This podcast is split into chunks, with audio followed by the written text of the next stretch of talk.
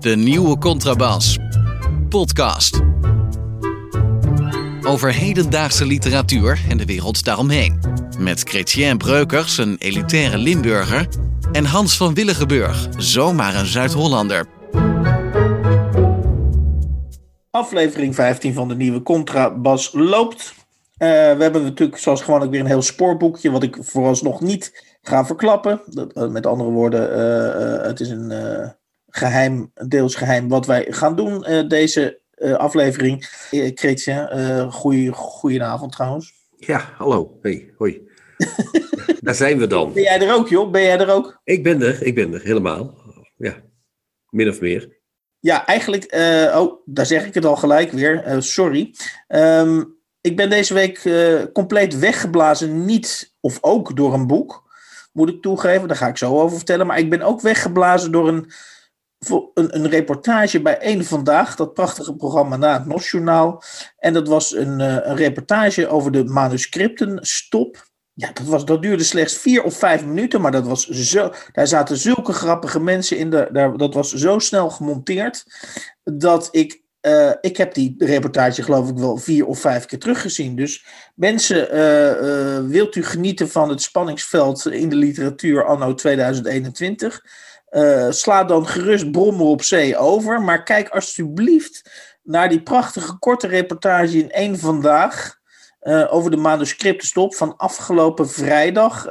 uit mijn hoofd, Kretje, welke datum was dat? Het is nu... Het is nu 5 mei, hè, zijn we bezig. dus toen was het toen was het volgens mij 30 april, of niet? Ja, het was het oude Koningsdag, was dat. Ja. Oude Koninginnedag, pardon. Ja, ja. ja dat is, een, ik mag wel zeggen, een, een historische aflevering. Niet alleen van één vandaag, omdat die reportage daar dus in zit. Maar ook wat mij betreft een klein beetje voor de literatuur.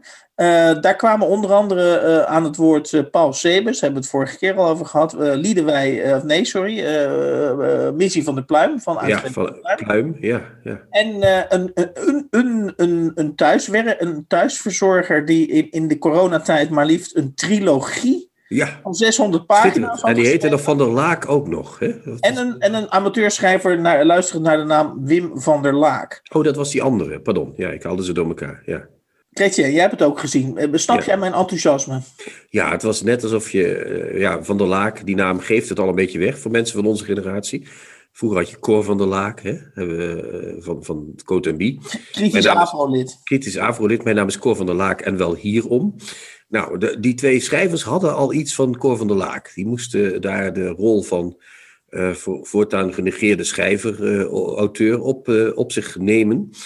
En ik, ik, ik zou graag bij de redactievergaderingen zijn geweest waar ze deze mensen hebben uitgezocht. Want hoe ze ze bij elkaar hebben gekregen, dat zou ik niet kunnen navolgen. Maar dat ze ze hebben gevonden in deze vorm van uh, verongelijkheid en uh, uh, licht broeierige, niet humoristisch bedoelde, maar wel zeer geestige.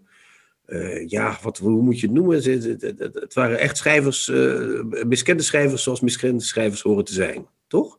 Ja, absoluut. En dan had je daar dus uh, daarbij, behalve dus die twee uh, miskende, uh, ja, iconische Talenten, miskende, schrijvers, had je dus ook twee mensen uit het, uit het professionele veld, zou ik bijna durven zeggen.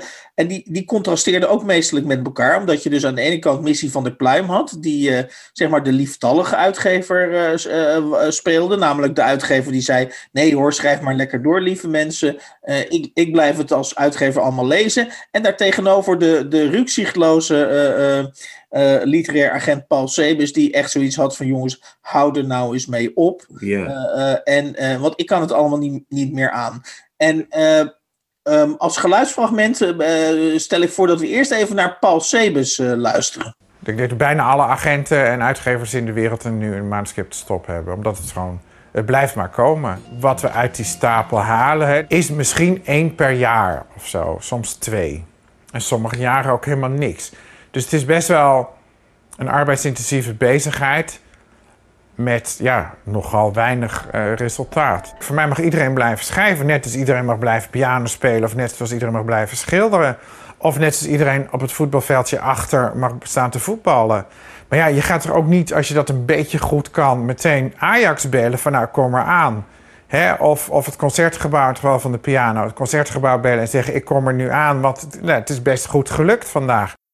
Een fantastisch fragment natuurlijk, Hans, want Paul Sebes is, hoe je hem verder ook wil uh, neerzetten, en ik vind dat er veel tegen Paul Sebes te zeggen is, maar Paul Sebes speelt de rol van zeer verontwaardigde agent toch met verven kan niet anders zeggen, toch? Hij doet dat, hij doet dat fantastisch. En, en niet minder fantastisch was het, uh, was het volgende uh, geluidsfragment. Hoe, wat jij terecht zegt, hoe de redactie van Eén Vandaag dit bij elkaar heeft gezocht, mag Joost weten. Maar als je dan een amateurschrijver uh, aan het woord laat en je bent op zoek naar een slechte zin, nou, dan moet je dit even, moet je, moet je even naar dit luisteren. Ik begreep in eerste instantie ook niet wat ik fout had gedaan. Maar als hij me had bewerkt met een mes, was het voor mij wel duidelijk dat hij de baas was. Uh, nou, ik vind het ook heel knap dat die mevrouw alle grammatica-regels aan de laars uh, lapt. En nog even los van haar accent, wat ook vrij hinderlijk is. Uh, denk ik, ja, het zal je maar gebeuren dat iemand met een mes op je afkomt. Dan heb je wel het idee dat iemand de baas zou kunnen zijn.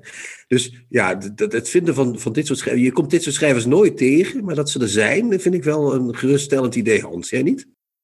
Maar het hele idee, Kritje, het hele idee, want halverwege de reportage werden er dus allerlei boeken van haar gewoon die opgeschreven. Die werden zeg maar op de tafel gegooid. En ze had een hele trilogie geschreven. Dus de suggestie die in de reportage vervat lag, was dat, was dat ze van deze zin. En dan, en dan maal drie boeken, dan maal drie, dan maal drie. Zeg maar, Wat ik ook wel treurig vind, toch wel, is dat dat is dus, als zo'n redactie erop losgelaten wordt, dan denk je, ja, dat zijn dus die schrijvers die Sebes en Wisseling niet meer gaat, dus dat, dat zijn de schrijvers die in de aanbieding zijn. En dan denk ik toch dat er, als je een beetje zoekt, toch wel betere te vinden zijn. Dus dat vind ik wel treurig, moet ik zeggen. Jij niet? Van, bij alle lol die we al hebben aangekondigd.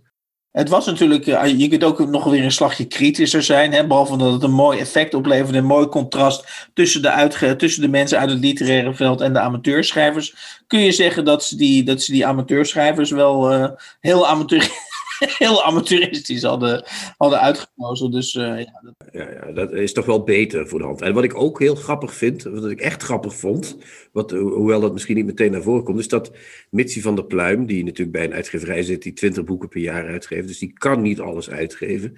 Dat hij zegt, kom maar bij ons, schrijf, schrijf maar door mensen. Maar die gaat natuurlijk ook al die troep niet lezen. Dus die probeerde een beetje goedkoop te scoren met haar uh, open armen uh, die ze daar had. Ja. In ieder geval, mensen, uh, ga zelf even kijken, want wij kunnen daar wel in geur en kleur over vertellen. Maar het allerbeste is om gewoon even zelf uh, deze reportage uh, te bekijken. Wie dit niet gezien heeft, die heeft echt iets gemist. Ja, dit is echt ja, ja, ja, een, land, een landmark. Ja. Dan wil ik het nog even hebben over een. nou ja, de, de boekwinkels gingen deze week, deze week weer open. Dus ehm, ik ging even naar mijn plaatselijke boekhandel. En ik, uh, ja, dan, dan, uh, dan sla je af en toe een boek open. En ik sloeg zomaar, dat had ik misschien helemaal niet moeten doen. Dan sloeg ik een boek open, een nieuw boek van Boris Dietrich. Uh, ik snap zelf eigenlijk niet waarom ik het boek überhaupt heb opengeslagen. Want als ik, zeker, als ik van iemand zeker weet dat ik nooit een boek zal gaan kopen, is het wel van oud D66-Kamerlid Boris Dietrich. Maar goed, ik deed dat dus toch. En toen stuitte ik op de volgende beginzin. De, de roman die hij geschreven heeft, heet Terug naar Tarvot. Maar is het een roman, Hans? Of is het, want hij is toch een thrillerschrijver, of niet? Het is een roman, maar het is... En, en je zou zeggen bij een roman, nou, begin gelijk met, uh, met bladzij, begin gelijk. Maar Boris Dietrich heeft dan een soort voorwoord of een soort vooraankondiging. En dan gaat de roman pas beginnen. En de eerste zin van die vooraankondiging, die, die gaat dus als volgt. In Terug naar Tarvot vertel ik het bijzondere verhaal van een man die ik nooit in levende lijven heb ontmoet heb.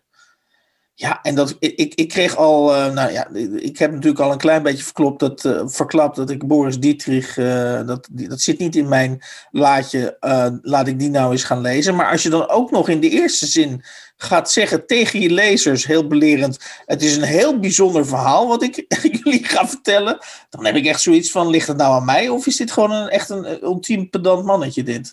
Ja, dat, dat, dat laatste lijkt me niet helemaal onwaarschijnlijk, dat hij pedant is. Maar wat ik, wat ik wel grappig vind, is dat hij ook moet zeggen dat hij een boek gaat schrijven over iemand die hij nooit gezien heeft. Dat, is, dat gebeurt zo vaak. Mensen schrijven biografieën, mensen schrijven boeken over mensen die niet echt bestaan hebben, die ze dus nooit hebben kunnen zien.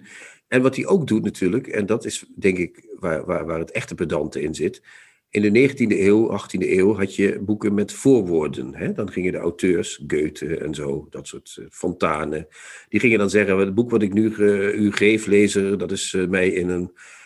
Dat is mij door iemand, een hoestende man in een parkeergarage, al had je die toen nog niet in de 18e eeuw, maar goed. Dat is mij door iemand ter hand gesteld en ik ben maar de doorgever van de teksten die u hier leest, bla bla bla.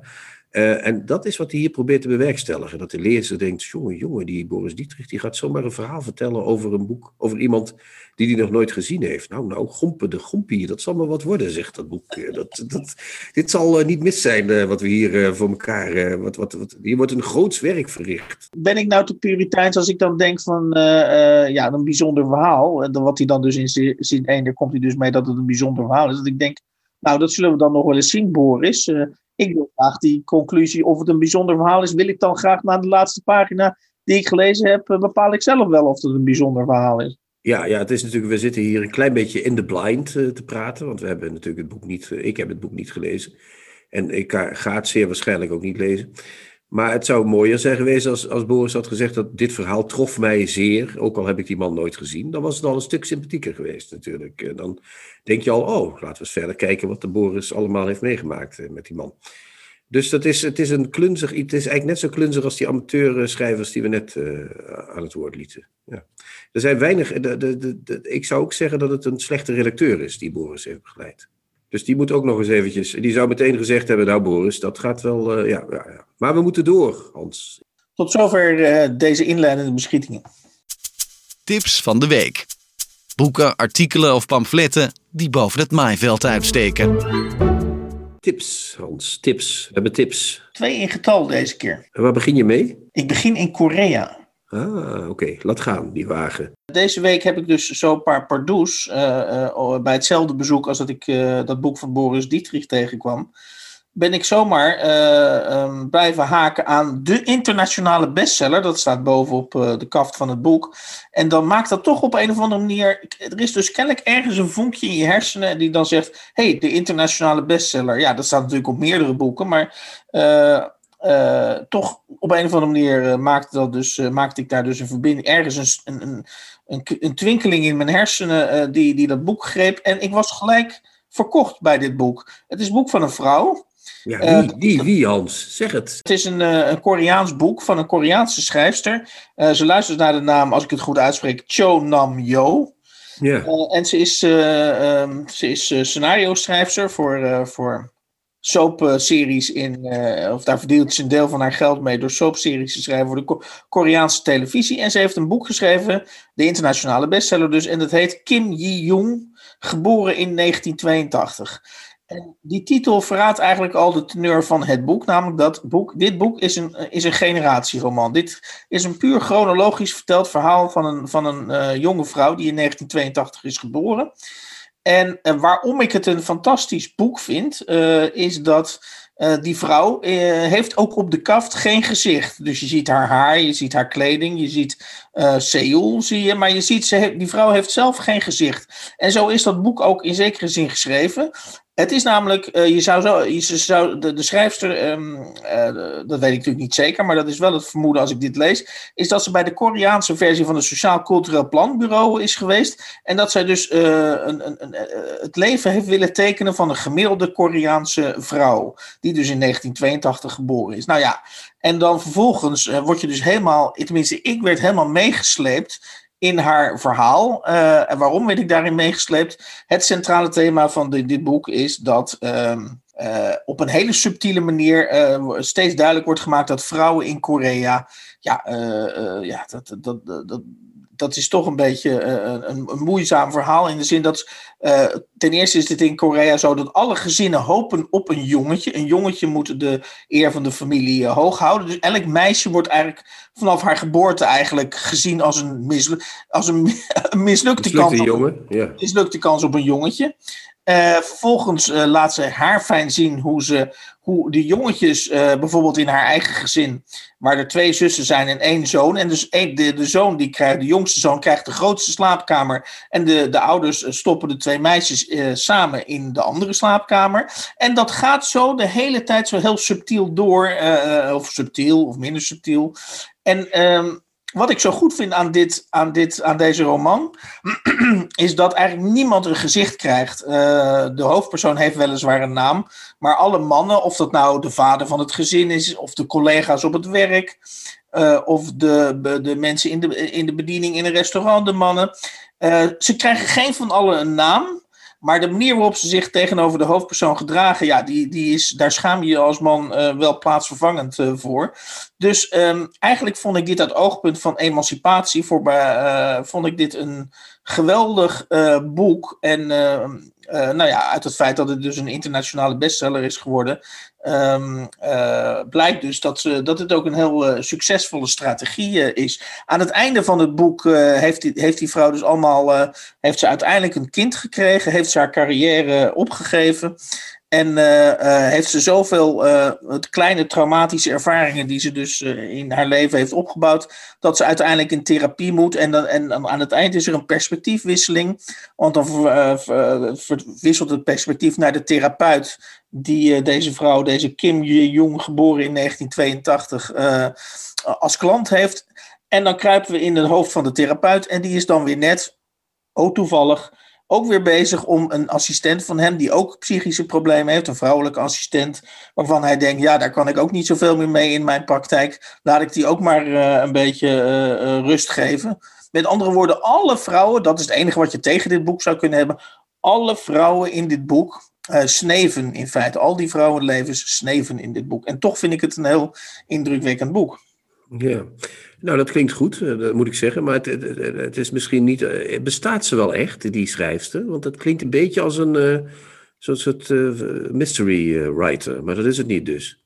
Volgens mij, volgens mij niet. Maar ze zegt wel in het boek. Een van haar hoofdstukken, of een aantal hoofdstukken eindigen dus ook. En dat is helemaal in de trant van, van de manier waarop ze dit boek geschreven heeft. Is met een aantal wetenschappelijke onderzoeken. En met een aantal percentages. Waar, waarmee ze dus eigenlijk wil zeggen: dit, dit hoofdpersonage, dat heb ik niet verzonnen. Dat die, de, de, deze, deze, deze levensloop die ik hier schets. Is, is, wetenschappelijk, uh, ja, is wetenschappelijk onderbouwd. Ik denk dat, uh, dat, dat ja, het klinkt heel interessant. Ik heb het zelfs tijdens dat jij dit zat te vertellen, heb ik het boek besteld. Dus het is, je hebt het goed weten weer te geven. Dus dat, dat ga ik zeker lezen. Maar het, het, heeft het niet ook een beetje te maken met die hele. Ik denk dat, de Azië, dat, dat, sommige Aziatische landen, niet allemaal natuurlijk, maar dat de Korea en, en, en Japan en zo, die zijn die, dat zijn landen die af zijn, net zoals Europa af is. Hè? Die zijn eigenlijk met Europa meegegaan. En uh, uit, uit, Korea heb je nu dat, dat boek van uh, Han Kang, de vegetariër, wat ook wel zo'n gek boek is. Daar wordt het ook mee vergeleken. Ja, precies, ja.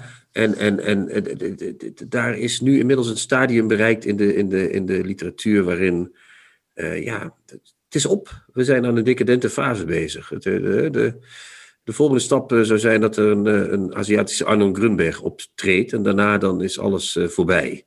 Dat is alles, dan is de literatuur klaar. Dus die, die mensen zijn niet alleen. dat is, dit, dit, gaat over, over, over de rol van de vrouw. Dat, dat, dat is dus een, een, in die zin een wezenlijk onderwerp. Maar het heeft ook iets oneindig decadents, gek genoeg. Dat, tenminste, dat straalt het op mij af. Ik heb het nog niet gelezen, maar kun je daar, ben je daarmee akkoord? Of vind je dat een, te far-fetched, wat ik nu zeg? Je had het over Azië, dus dan, dan heb je het over China, Korea, Japan. Wat, wat natuurlijk zeker in Japan, en misschien doe je daar ook op, in Japan heb je natuurlijk een extreme vergrijzing. Ja, maar ik bedoel niet China, want dat is nog een land in ontwikkeling. Maar het gaat me echt om Japan, Korea. Dat zijn echt landen waar die een beetje tegen het westen aan hebben, Zuid-Korea bedoel ik dan natuurlijk, uh -huh. tegen het westen hebben aangeleund. En die, die lijken ook wel een beetje klaar met alles. Daar, daar, daar speelt zich hetzelfde af als hier. Het is voorbij, ja. ja. Je, je, kunt wel zeggen dat alle problemen of alle akkefietjes waar deze hoofdpersoon tegenaan loopt, uh, dat, zou, dat zou je zo zonder straf, strafloos naar een Europese context kunnen, kunnen verplaatsen. Dus in die zin uh, heb, je, heb je gelijk, denk ik, ja. Ja, dus die literatuur zit toch heel dicht tegen die van ons aan. Dat is wel grappig ik denk wel dat je, dat je ruzie krijgt met een aantal vrouwen als je dat decadent uh, gaat, gaat noemen. Maar goed. Uh, nee, dat... ik zeg niet dat de problematiek van vrouwen die worden geminimaliseerd, dat dat decadent is. Maar het gaat er meer om dat het opkomt op dit moment. Dat zegt dus iets over, die, over de, de, de, fase waarin die literatuur zit. Ik denk zeker dat het iets zegt over het welvaartsniveau uh, van. Uh, halverwege, het boek uh, krijgt de hoofdpersoon een functie op een groeiend marketingbureau. En op dat marketingbureau wordt er op een gegeven moment een elite team samengesteld. En daar wil de hoofdpersoon ook, en dat noem jij dan misschien decadent. En de, de, de hoofdpersoon wil zich kwalificeren voor het elite team. Maar ja, daar komt ze dan niet tussen, omdat de baas, de mannelijke baas van het marketingbureau zegt: ja, dat is een elite team wat ik op voor de lange termijn wil, wil formeren. En daar komen dus jij als, als twintiger of begin dertiger, jij gaat kinderen krijgen. Dus ja, dan schrijf ik jou toch liever bij voorkeur eventjes niet in dat elite team. Ja, dat, dat, dat zijn natuurlijk, je kunt vanuit een bepaald perspectief zeggen dat, zijn de, dat is een decadent probleem. Maar goed. Nee, nee, het gaat, nee, dat is niet decadent. Dat is, dat, is, dat is meer een zak van een vent die dat zegt. Maar het, decadente zit hem in het feit dat die problematieken vaak opkomen als een bepaald welvaartsniveau bereikt is. Dan, dan gaan mensen zich druk maken over. Eerst moet iedereen te eten hebben, dan moet iedereen ergens kunnen wonen. En dan kun je druk gaan maken over de rollen die mensen vervullen binnen dat geheel. Dus dat is het decadente aspect daaraan. Dat die vrouw überhaupt nadenkt over dat elite-team. Dat als ze niet te eten heeft, denkt ze daar niet over na natuurlijk. Dan denkt ze... Eigenlijk zag ik ook wel een, wel een overeenkomst met Wellebeck dit boek schetst, eigenlijk, uh, schetst natuurlijk uh, op een bepaalde manier. Een, een, uh, de, laat ik het zo zeggen, de hoofdpersonages zijn illustratief voor een bepaald maatschappijbeeld wat de schrijver wil, wil uitdragen. En ik blijk daar dus heel, heel gevoelig voor te zijn, want zoals uh, Wellebeck schetst wat het betekent om in een extreem liberale maatschappij te leven, waarin iedereen met iedereen in competitie is, ehm, wil Cho Nam Yo laten zien wat het betekent om in 1982 in Zuid-Korea als vrouw geboren te zijn. En wat dat gemiddeld voor jouw leven betekent. En het knappe natuurlijk, voor zover ik dat nog niet benadrukt heb. Het knappe is natuurlijk dat ze hele kleine incidentjes op school, op het werk, in de relatie met haar, met haar partner. Hele kleine momentjes aangrijpt om te laten zien hoe ingrijpend toch wel degelijk die verschillen zijn tussen man en vrouw. Ja, ik vind het fantastisch. En, en wat, het doet me ook denken aan al die schrijvers uit de tijd van, van, van Bret Easton Ellis en Generation X. Dus om de zoveel, en of, of Scott Fitzgerald voor de oorlog. Al die schrijvers die af en toe ineens weten die, die generatie te vatten. Die zeggen, ja, zo zit dat in elkaar en zo zijn we bezig. Dus... En als ik nog een klein, klein technisch aspect mag, mag, mag belichten. Er zitten een aantal scènes in waar natuurlijk de hoofdpersoon schuin gedrukt aan het woord komt, maar die dingen, omdat ze schuin gedrukt zijn, niet zegt. En daarmee geeft ze aan, dit had ze kunnen of willen zeggen, maar dat zegt ze niet. En dat, dat maakt ook wel indruk, uh, moet ik zeggen, op mij. Heel inspirerend, ja, dankjewel. En dan nu? Egon Hostovsky, als ik het goed uitspreek. Jazeker, Egon Hostovsky. Uh, zo zou ik het ook uitspreken, alles is misschien niet correct. Het is een Tsjechische schrijver. Uh, hij is dood. Hij heeft geleefd tussen 1908 en 1973. En er zijn nu uh, op dit moment twee boeken van hem in het Nederlands verschenen. Vertaald door Edgar de Bruin, vertaler uit het Tsjechisch. En in 2017 verscheen Vreemdeling zoekt kamer. En nu net is verschenen De Schuilplek. Nou, dat zegt al iets, hè? Vreemdeling zoekt kamer en De Schuilplek, die Hostovsky. Dat was er niet één die, uh, zoals jouw auteur een vaste woonplek had en zich druk kon maken over het elite-team. Die man die was op de dool. En dat klopt ook natuurlijk, want zoals zijn geboortedatum uh, 1908, toen bestond Tsjechië nog niet, Tsjechoslowakije. Dat bestond, begon pas in 1918. En toen Egon Hostovsky een beroemde schrijver begon te worden, eind jaren 30, toen kreeg Tsjechië een klein conflict met West, wat nu West-Duitsland heet en toen nog Duitsland. En toen begon de Tweede Wereldoorlog daarna. En toen moest Rostovski, want het was ook nog een Jood, moest hij als de donder maken dat hij wegkwam. Dus toen moest hij naar Amerika. Daar speelt zich dat hele boek Vreemdeling zoekt kamer ook af, overigens. Uh, prachtige roman. en daarna, na de oorlog, toen hij weer terug kon naar Tsjechoslowakije, werd in 1948 Tsjechoslowakije overgenomen door de communisten. En die waren ook niet zo uh, gek op de Joden. Dus die man kon daarna weer een keer uh, vertrekken. Dus die man is eigenlijk vanaf het moment dat hij uh, actief was in de literatuur een, ont, een, een banneling geweest. Die had een hele andere problematiek. En, een vervolgde. Een vervolgde, ja. En dat boek wat nu... Maar waarom ging hij terug uit Amerika naar Tsjechoslowakije? Dan ben je, uh, ja, hij dacht, ben je naar het communistische Tsjechoslowakije. Dan... Nou ja, dat was pas in 48. Hè? Tussen 45 en 48 leek het er nog op dat Tsjechoslowakije gewoon een zelfstandig land uh, zou blijven. En, maar in 48 hebben de communisten de macht gegrepen. En toen bleek toch al gauw dat dat niet, voor hem niet de beste oplossing was. Dus hij dacht, hij geloofde nog in het, in, in het onafhankelijke Tsjechoslowakije. Maar dat was voor een korte duur. Uh, de man heeft verder dus in Amerika gewoond. En uh, zoals we aan die twee titels al zien, als, als, een ontwortelde. En uh, de Schuilplek is, een, is net verschenen. dat is een prachtig boek, want dat gaat over iemand die in de oorlog uit Tsjechoslowakije vlucht naar Frankrijk. Omdat hij een of ander systeem, een, een radarsysteem heeft ontwikkeld. En, en, en uh, dat willen, hij is bang dat de Duitsers dat willen hebben. Je komt uit het, in het boek ook niet te weten of dat zo is, of, dat die, dat, of die Duitsers dat echt willen weten, of dat in zijn hoofd speelt. Maar die man die denkt, ik moet weg hier, want die Duitsers komen, hè, 38 werd uh, Tsjechoslowakije al ingenomen, althans een groot deel van Tsjechoslowakije. En uh, hij dacht, ik ga weg, ik ga naar Parijs, ik ga naar Frankrijk. En daar lijkt het eerst nog goed met hem te gaan, als, als ingenieur. Maar uh, ook daar komen de Duitsers natuurlijk, in 1940 uh, komen de Duitsers daar weer. En dan uh, neemt, doet hij een soort gare noodgreep. Dan, iemand die hij heeft leren kennen tijdens zijn werkzaamheden als ingenieur, daar, die, daar gaat hij heen en die zegt, weet je wat, kom jij hier maar in de kelder zitten. En dan, ik zorg wel voor je totdat de oorlog voorbij is. Dus die man die komt in, zo'n, in, een, in een totaal afgelegen dorp in een kelder te zitten. Dus je kunt voorstellen dat hij na twee jaar begint hij behoorlijk wat daar klap eh, te worden.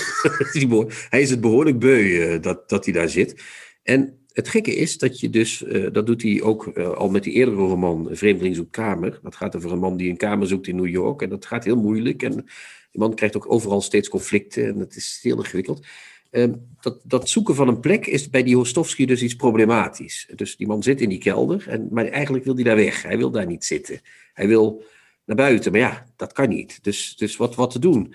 Uh, op een gegeven moment komt er dan, uh, zit hij uit, hij heeft één heel klein stukje in die kelder waar hij naar buiten kan kijken. En dan ziet hij ineens iemand lopen die hij van vroeger kent. Heel gek. Kent iemand, er komt iemand langs in dat dorp, in the middle of nowhere, eh, iemand die hij van vroeger kent.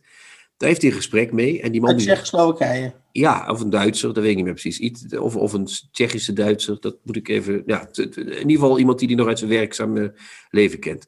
Die man die zegt, ja, maar dat je in die kelder zit, dat is toch verschrikkelijk. Ik help jou wel.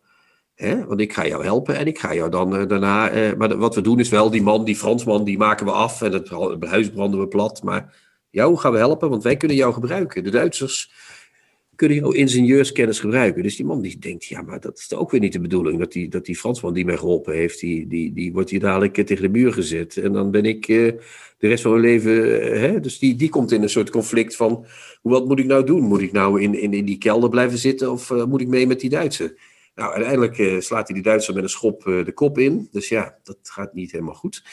Dus dan blijft hij toch in die kelder. En dan komt er nog een klein uh, plot twist. Dat kan ik helaas niet verraden. Maar het is allemaal heel treurig. Die, die, die man die is dus in al die boeken, net zoals in zijn echte leven, steeds bezig naar een plek. En als hij daar zit, is dat of niet goed of niet dat werkt niet. En nou, het, is, het is een man die, die, die schrijft zoals zijn geschiedenis is. Dus die man heeft ook, net zoals dat meisje dat in 1982 geboren is, zijn eigen problematiek in zijn boeken gezet. En misschien zijn dat wel de mooiste boeken. Boeken waarin je die, die, die, die problematiek van iemands leven uh, rechtstreeks, niet rechtstreeks, maar verwerkt uh, tot een mooi verhaal of tot een, hè, zoals jij zegt, in kleine scènes, dat terugvindt. Misschien is dat wel wat echte literatuur tot echte literatuur maakt. Denk je niet? jij hebt ervan genoten, begrijp ik? Ja, Vind jij het iets waarvan je zegt, nou, daar ga ik ook eens even naar kijken? Uh, ik zit even te denken, ja, uh, misschien. Ik, uh, ja, zou kunnen. Ja, het is, het is, als ik het zo vertel, is het, ik, ik besef, het is wat jij vertelt over, over dat vorige boek, waarvan ik de auteursnaam helaas weer vergeten ben. Cho Nam Yo. Ja, ja dat is, is spectaculairder, of dat is dichter op deze tijd ook. En, en, en dit is vreemder, als je het zo mag zeggen, sprookjesachtiger ook. Het is wat is het eigenlijk? Wat zijn het voor types? Het zijn ook geen aangename types, die, die, die, die hoofdpersonen. Het zijn een beetje sukkels. Dus ik snap dat dat niet uh, wervend is, maar het is wel echt hele goede. Ja, het zijn echt goede teksten. Ja. Ik, ik neem het helemaal van je aan, maar het is puur een kwestie van tijd. Het is niet zo en dat ik wil daar nog één ding over zeggen ook, want we hebben het eerder gehad over kleinere, tussen aanhalingstekens, uitgeverijen. Um, deze twee boeken die zijn uitgegeven door Zimiri Press. Eh, een zeer kleine uitgeverij die zich richt op, op boeken die uh, uit talen, die, uh, boeken die niet worden vertaald in het Nederlands gauw. Dus eh, een Tsjechische auteur, eh, Japanners, eh, weet ik veel, Hongaren. Noem Maakt nog niet uit. de naam van de uitgeverij. Zimiri Press. Een, een, een zeer dapper eh, initiatief, eh, ja. Voorbij Lobit. Onterecht onzichtbaar gebleven schrijvers uit het buitenland. Bij deze rubriek aanbeland, wij, wij besteden ook rubrieken echt uit. Dat wil zeggen dat we natuurlijk hartstikke hard bezig zijn met de nieuwe Contrabas podcast, maar dat we niet elk laadje, elk laadje kunnen, kunnen, kunnen uitmesten. En daarom hebben wij sommige rubrieken zoals bij Lobit uitbesteed. En dat hebben wij in dit geval eh, in een heel vertrouwd gevoel bij Marika Keblushek uit, eh, uitbesteed. Eh, zij leidt ons naar interessante schrijvers buiten de landsgrenzen. Eh, welkom Marika in de nieuwe Contrabas podcast. Eh, we zitten ademloos eh, te, te wachten. Wie ga jij deze keer aan ons voorstellen? Ja, vanavond wil ik graag aandacht vragen voor een Amerikaanse dichter, Jack Gilbert, geboren in 1925, die tot aan zijn dood in 2012 in feite ook niet echt bekend was in Amerika. En pas na zijn dood daar echt eh, ja, veel groter publiek, eh, bij een veel groter publiek is doorgebroken. Ondanks het feit dat zijn bundels ehm, tijdens zijn leven ehm, genomineerd werden, tenminste een aantal daarvan, voor Pulitzerprijzen. En hij ook met zijn eh, Refusing Heaven, een bundel uit 2005. Dat vind ik zelf, denk ik, wel zijn mooiste bundel. een belangrijke prijs won van de Amerikaanse kritiek.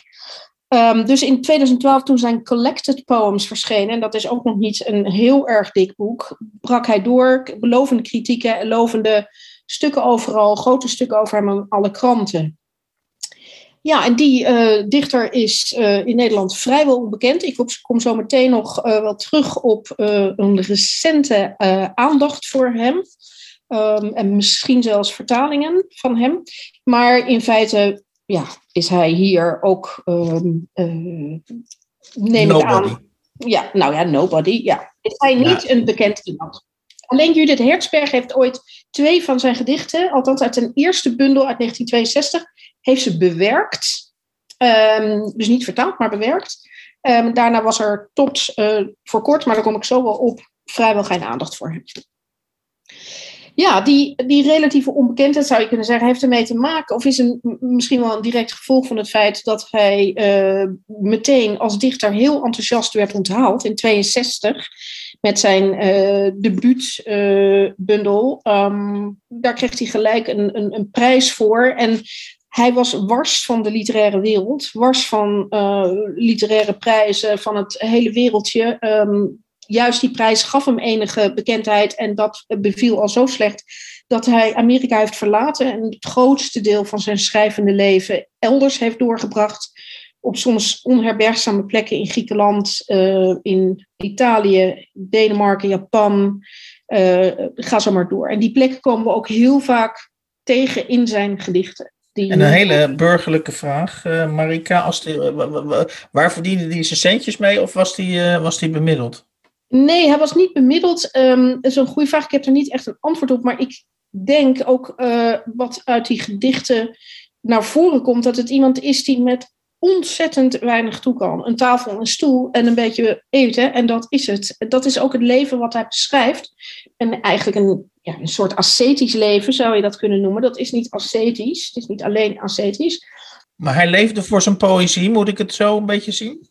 Ja, en het- nou, Ik heb ook begrepen dat hij rijke bewonderaars had die hem in die mooie plekken eh, onderbrachten. En die, dus hij had een kleine groep bewonderaars die hem eh, Ja. daar eh, wisten. Die hadden dan een huisje in Griekenland of een huis in Japan. En hij had natuurlijk ook, als ik het goed heb voorbereid, want ik, ik kende hem niet voordat jij hem noemde vooraf.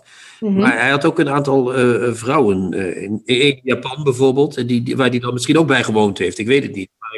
Die hebben met hem het leven gedeeld. Hij heeft drie vrouwen spelen, eh, net als de plekken trouwens. eh, drie vrou- vrou- eh, vrouwen, Jana, Linda en, en tot slot Michiko, Japanse, spelen een enorm belangrijke rol in die poëzie. Ze vormen vaak, net als die plekken die hij bij naam en toenaam noemt, ehm, een, een, een, op een bijna vanzelfsprekende manier komen ze in die gedichten voor. Alsof wij ook op, eh, op first name basis zijn. Dus hij, hij maakt zinnen als. eh, nou ja, ik, Linda doet dit. En dan verwijst hij mee naar Linda Gregg. Dat is niet een gimmick.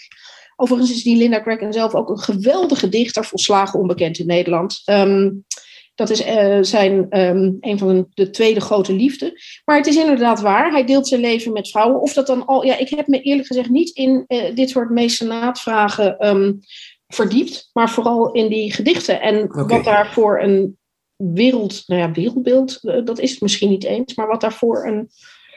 wat daaruit spreekt. En um, waarom ik zo, zo probeer ook te bedenken waarom ik ze nou zo ongelooflijk goed vind. Uh, adembenemend.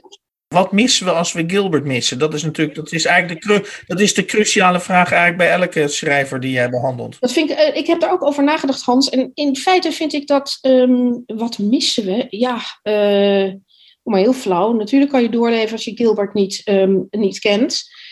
Je mag ook zeggen dat je het een stomme vraag vindt. Uh, ik zou hem iets anders formuleren. Waarom, waarom vind ik zijn poëzie zo adembenemend? Zijn teksten uh, zijn gedichten lezen in eerste instantie heel toegankelijk, heel concreet ook. Hè? Als hij het heeft over, ja, over die, die vrouw met wie hij leeft, of wat hij heeft gedaan of wat hij niet heeft gedaan, over de plekken waar hij woont. Heel, zonder opsmuk, zonder moeilijke beelden, zonder experimentele vormen, lastige woorden. Het is niet een Sylvia Plath die met een thesaurus op haar schoot uh, weer een ander woord zoekt. Overigens niets ten nadele van Sylvia Plath. En hij heeft ooit in een interview, in een, in een uh, essay, een, een, kritisch essay, heeft hij uh, geschreven dat een goed gedicht voor hem echt is. Nou ja, dat is, misschien roep je dan, dat is een cliché, maar wat hij bedoelde is dat hij het moest kunnen geloven. Dat het voor hem, en dat is echt heel wezenlijk. Hij noemt alles, de dingen, de plekken, de, de, de, de stenen op de weg die hij ziet, um, de huizen waar hij woont, bij, bij de naam, juist door alles alle opsmuk daaromheen weg te laten, laat hij in feite zien hoe onbereikbaar en hoe onbevattelijk alles om hem heen is. Om het even anders te zeggen, hoe groot het mysterie is. En dat is dus het paradoxale van die poëzie. Dat hij, hij wil daarmee door, als het ware, een geïrodeerde vorm van taal te brengen. Uh, die uitgekleed is, uh, zoals de kale rotsen waar hij woont in Griekenland. Uh, juist daardoor kan hij, kan hij het beste of het, het, het, dichtst bij het wezen van de wereld of het leven, of liefde, dood, afscheid komen. Dus de grote thema's. En ik geef een voorbeeld als hij een gedicht besluit um, uh, waarin hij schrijft wat hij op dat eiland doet, een kort gedicht. En dan is de laatste regel me cleaning oysters, Linda getting up from a chair.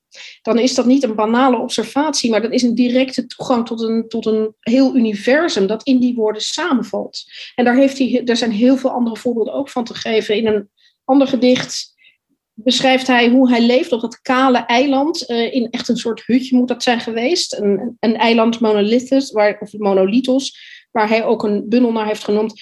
Um, dat gedicht heet The Other Perfection.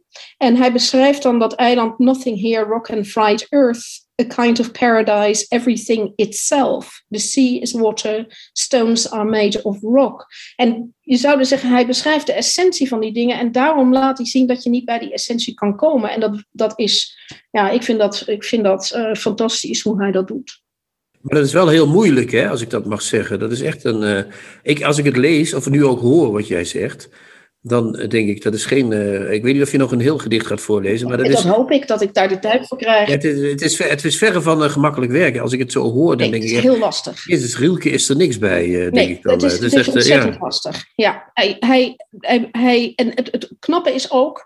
Ik wil een gedicht voorlezen, denk ik. Um, ik ben er nog niet helemaal uit. Um, uh, er is een gedicht dat heet Kunstkammer. En omdat ik mij in mijn werkende leven met, leven met kunstkammers, uh, of mijn werkende leven met kunstkammers bezig hou, is dat wel mooi. En daar beschrijft hij in dat soms heb je de indruk en de illusie dat je iemand hè, huid op huid, naakt, zonder um, in het kale licht uh, kunt benaderen en begrijpen. Dus door heel dichtbij te komen.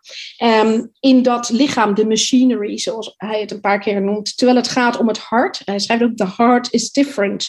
Maar tegelijkertijd weet hij hoe taal dat ook weer niet kan beschrijven en niet kan bevatten.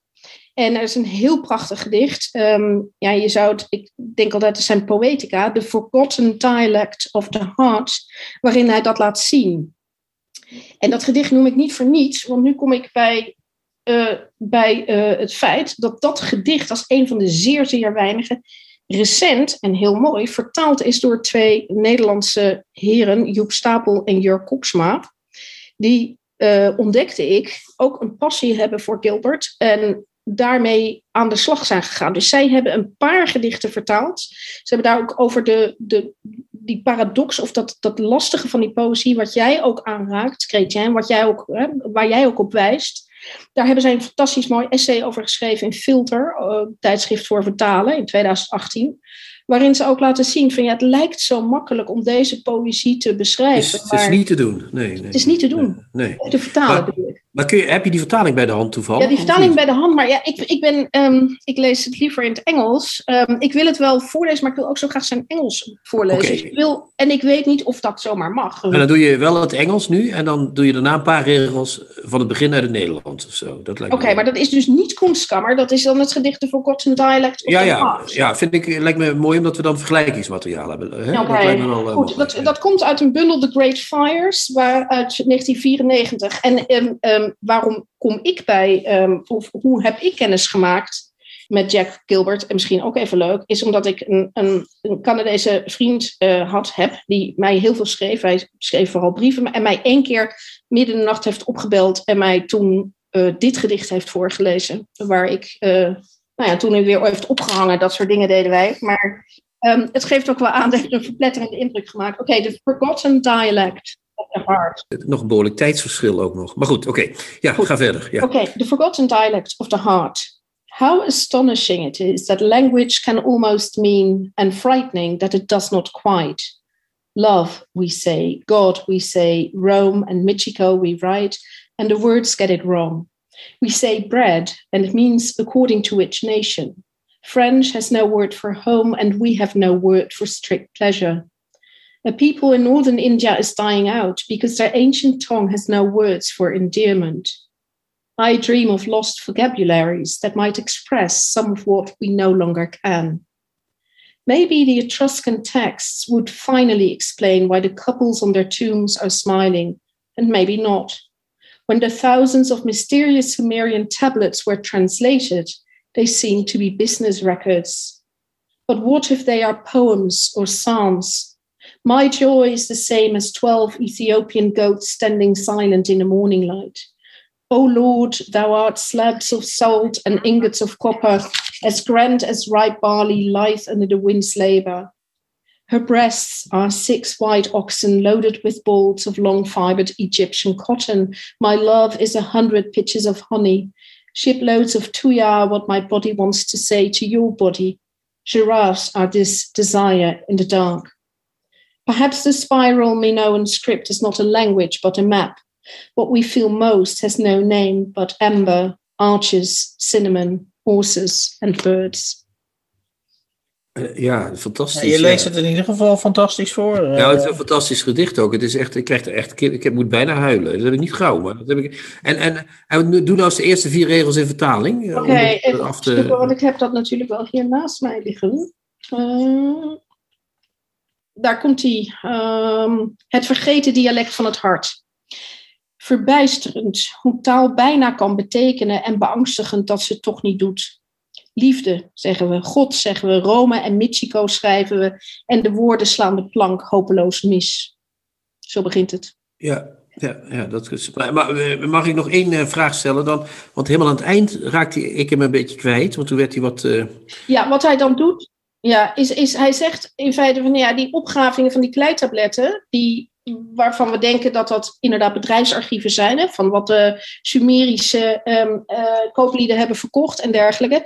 Misschien zouden dat ook wel eens gedichten kunnen zijn, of zelfs psalmen, waarin je zegt: Mijn liefde is twaalf.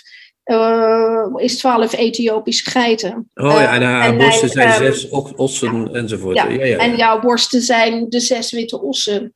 En waarin die in feite laat zien um, zon, ja, dat, dat dat de, hè, hij, hij, heeft een prachtig gedicht daarmee, dat wil ik ook nog even noemen. Dat, dat gaat over Ovidius, Ovid in Tears. Nou, Ovidius is natuurlijk de dichter die zich ook heeft teruggetrokken uit de wereld, die in ballingschap woont. Hij gebruikt ook vrij veel, ik zei het is zonder opsmuk, maar hij heeft wel in een aantal gedichten gebruikt hij ook mythologische beelden, of komt hij terug op de mythe van Ovidius. En hij zegt in die verhalen, of tenminste dat lijkt hij te zeggen, komen we wel heel dichtbij dat sublieme of dat onbevattelijke. En in het prachtige gedicht Ovid in Tears, um, dat eindigt met de woorden, met een citaat van de verbannen dichter, die probeert uit te leggen wat hij wil beschrijven. En dan zegt hij, both the melody and the symphony, the imperfect dancing in the beautiful dance, the dance most of all. En dat is ook de titel van een, van een bundel geworden. Dus het gaat, ja, om het, het gaat om, om het wezen. En dat zijn allemaal hele grote woorden, maar de manier waarop hij dat doet, ja, ik mag geen ander gedicht meer voorlezen, ik snap het. Nee, nee, nee, dat, dat kan u niet. Want we, ik denk dat we uitgevrij vleugels moeten bellen.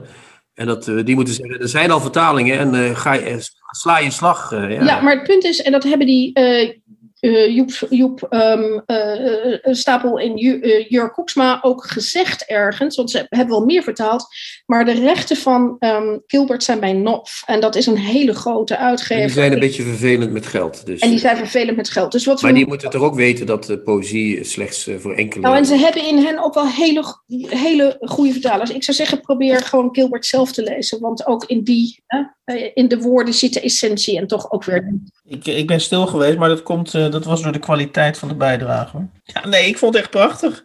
Ik, ik, ik, hing aan je, ik, ik weet echt niet of ik het allemaal begrepen heb, maar ik, ik, ik hing aan je lippen. Ik, ik, ik, ik had echt het idee, deze man, deze man... Uh... Ik vond het zo'n mooi gedicht, Marika. Geweldig, dankjewel. Ja. Moet je horen. Hans leest een favoriete passage voor uit een boek dat hij onlangs gelezen heeft.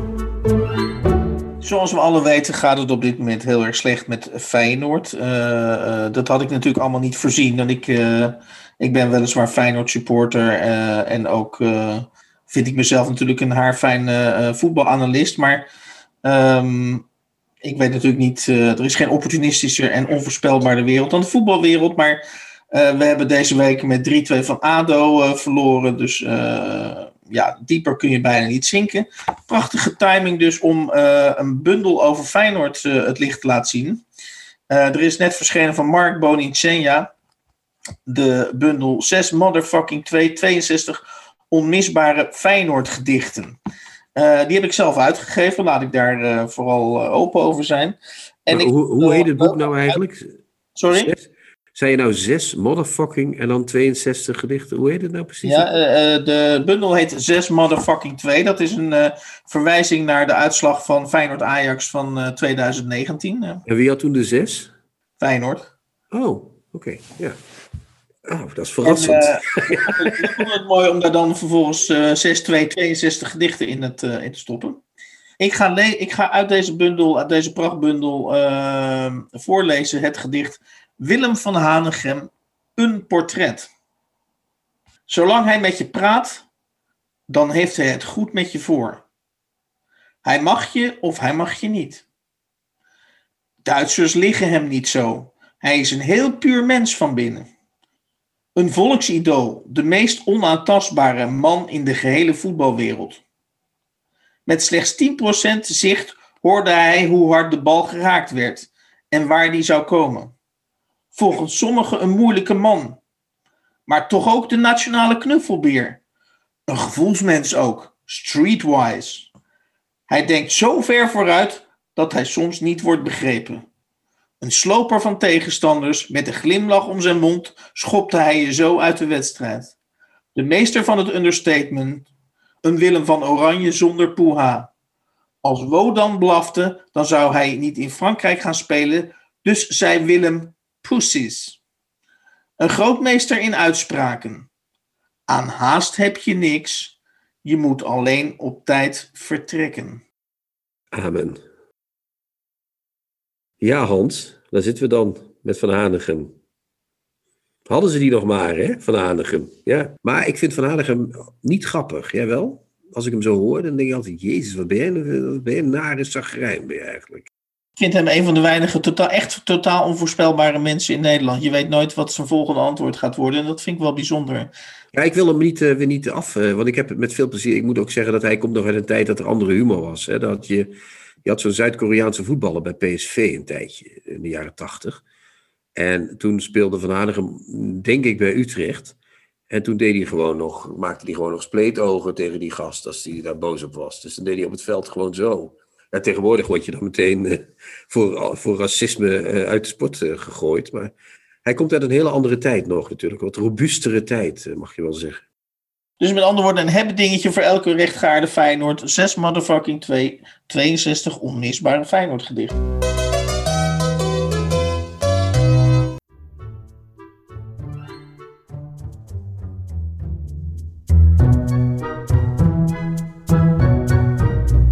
De nieuwe Contrabas. Podcast. In deze uitzending bespraken we onder meer uh, de roman Kim Ye-jung, geboren in 1982. Geschreven door de Koreaanse schrijfster Cho Nam-yo. En vertaald door Matto Mandersloot. Verder besprak Chrétien uh, twee boeken van Egon Hostovsky, een Tsjech. Uh, achtereenvolgens De Schuilplek, als in, uh, verschenen in 2021. En Vreemdeling zoekt kamer uit 2018. Allebei verschenen bij de Ziri Miri Press. En vertaald door Edgar de Bruin.